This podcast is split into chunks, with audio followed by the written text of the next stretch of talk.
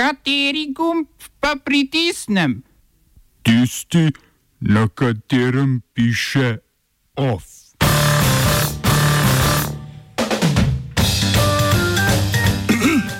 Hindujsko-nacionalistična indijska vlada zavrača očitke o diskriminaciji muslimanov. Državni zbor sprejel drugi svežen interventnih ukrepov. Slovenska vojska še naprej ocenjena nezadostno za delovanje v vojni, a bolje za delovanje v miru. V kulturnih novicah knjižnice, muzeji in galerije bodo odprti k malu, danes zagotovo še ne.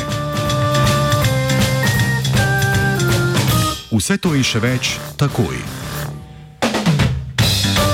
Joe Biden je pričakovano slavil na demokratskih volitvah v ameriški zvezdni državi Ohio.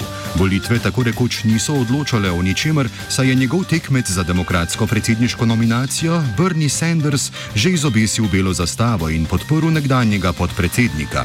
So pa bile demokratske volitve kljub vsemu pomembne, saj so zaradi epidemije novega koronavirusa v glavnem potekale po pošti in tako nakazujejo, kako bi lahko do konca izpeljali strankarske volitve tiste predsedniške pa bodo na sporedu predvidoma novembra.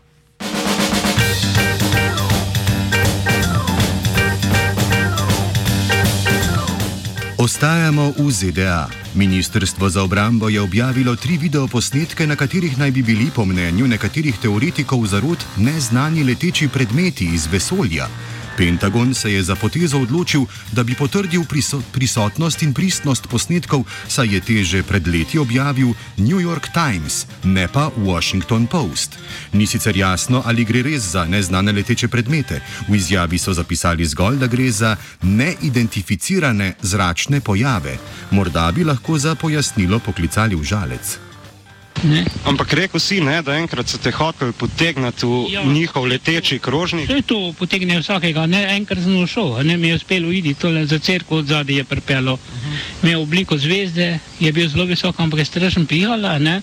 Pa sem se malo umaknil, če bi se ne umaknil, malo bi pa gli pod njega, pa že pol bi me pa kar srkal noter, ne. Sam sem me pustil na mir, ker sem pač imel malo odpora, do njih pa me niso na silo hotelo vzeti, so me pa drugič pol pograbili, ne. Uh -huh. Veš, kak so, ne.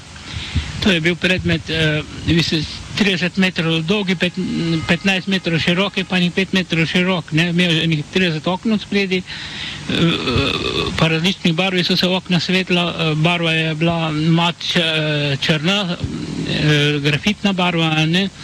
Pa tiste, o, o, ko so se zaprle, tiste, ko je pihal, tiste velike rešetke, ko so se zaprle, so se te glad zaprle, da se ni več roba videl. Mi ne moramo več kaj takega narediti, da bi se te glad zaprle lahko. Ne? Opomba. Predmet je imel obliko rdeče zvezde. Indijska hindujsko-nacionalistična vlada premijeja Narendra Modija je zavrnila očitke o poslabšanju stanja na področju verske svobode, ki jih je v poročilu za lansko leto zapisala neodvisna, sicer pa strani ameriškega kongresa ustanovljena Komisija za mednarodno versko svobodo. Komisija je izpostavila več problematik, najbolj pereč pa je diskriminatorni amandma zakona o državljanstvu, ki poenostavlja postopek pridobitve državljanstva za nemuslimane iz sosednjih držav. V poročilu je komisija izpostavila tudi situacijo v večinsko muslimanskem Kašmirju, kjer poleg omejitve dostopa do hitrega interneta, zvezdna oblast omejuje tudi gibanje in zbiranje in s tem onemogoča molitve in verske obrede.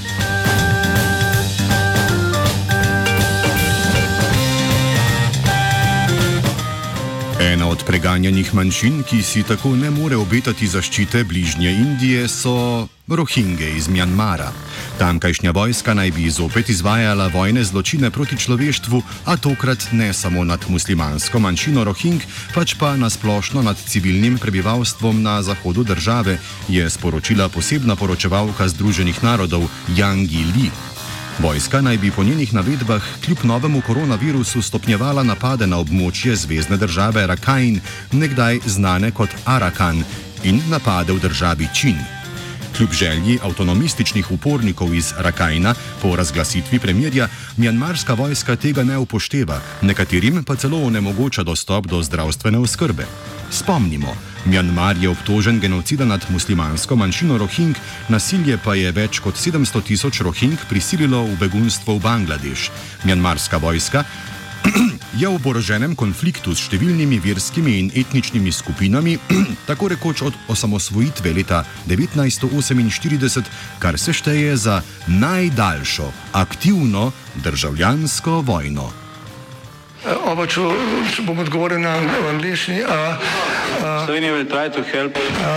We can Slovenija will and we will do our utmost To say that the situation is, our problem ourselves. and uh, We will make further steps as soon as the conditions are bomo vlado Marjana Cererja, Mira, Marjana Cererja Šarca podprli. uh, very, very serious. we know how and we will. Mitja Batagel, ki živi na Hrvaškem, sicer pa je sindikalni zaupnik v obalnem domu upokojencev Koper, je prejel delovno knjižnico, knjižico pravzaprav pa res, zaradi odreditve 14-dnevne izolacije strani mejnih organov. Tako ni mogel priti na delovno mesto. Vodstvu doma upokojencev se zdi takšna poteza legalna, pa je legitimna. Več v offsajdu ob 17. Državni zbor je potrdil drugi protikoronski svežen interventnih ukrepov. Paket prinaša formiranje jamstvene scheme, s katero bo država pomagala podjetjem pri najemu bančnih posojil. Poleg tega prinaša še zvišanje povprečnine za občine, oprostitev plačila najemnin za poslovne prostore v državni ali občinski lasti in povečanje zadolževanja države. Poleg tega so predstavniki ljudstva sprejeli še novelo k interventnemu zakonu, ki prinaša dodatno pomoč še nekaterim posameznikom, med drugim izrednim študentom. Tudi pogoji za pomoč samozaposlenim in delodajalcem, ki so poslali delavce na čakanje, so po novem manj strogi. Za pospešitev investicij v gradbeništvu pa je vlada pripravila tudi sporno novelo, ki zaostruje pogoje sodelovanja nevladnih organizacij pri postopkih izdaje gradbenega dovoljenja in jim de facto za dve leti onemogoča delovanje v javnem interesu.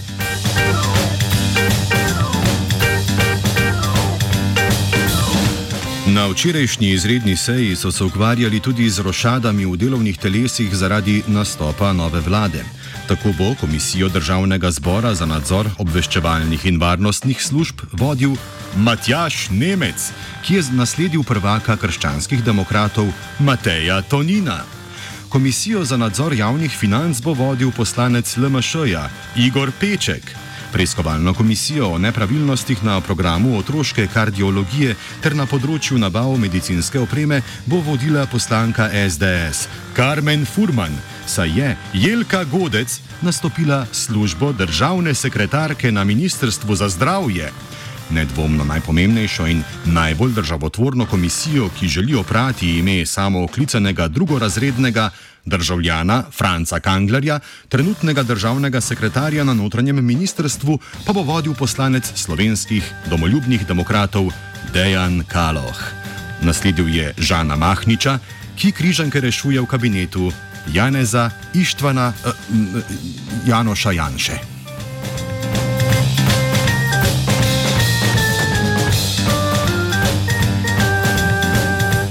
Obrambni minister Matej Tonin in novi načelnik generalštaba slovenske vojske Robert Glavaš sta najlepšega predsednika Republike Slovenije vseh časov na svetu, Boruta Pahorja, ki v prostem času, ki ni na Instagramu, opravlja tudi nalogo vrhovnega poveljnika slovenskih vojakov vseh časov, seznanila s poročilom o pripravljenosti oboroženih sil v lanskem letu na svetu. Ocena vojske za delovanje v vojnih razmerah ostaja cvek, se je pa ocena za delovanje v miru povišala z nezadostne zadostne na dobro. Razlogov za nezadostno oceno na področju pripravljenosti v vojni je kar nekaj, med drugim premajhna popolnjenost enot s kadri in zastarelost vojaške tehnike na svetu. Pahor je zbrane še obvestil, da bo brigadirja Glavaša v čin general-majorja povišal v mesecu grudnu letos.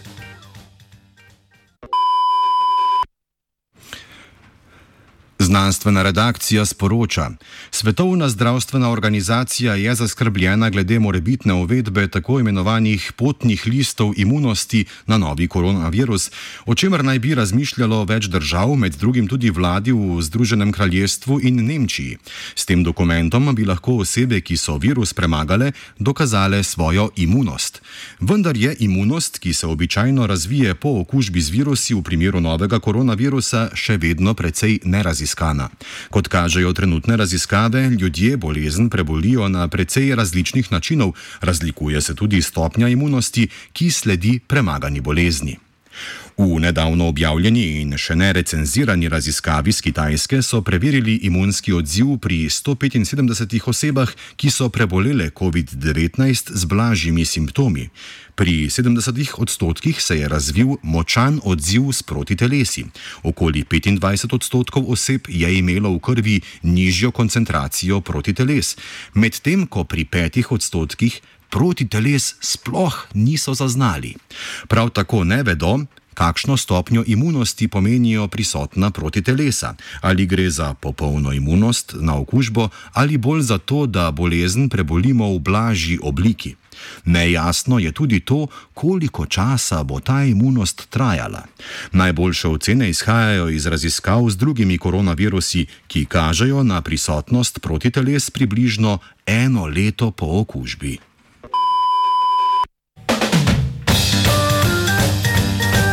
Mislim, trohe nihče nič ni vprašal, je pa vseeno s pomočjo znanstvene redakcije vse skupaj pripravil urh. Of.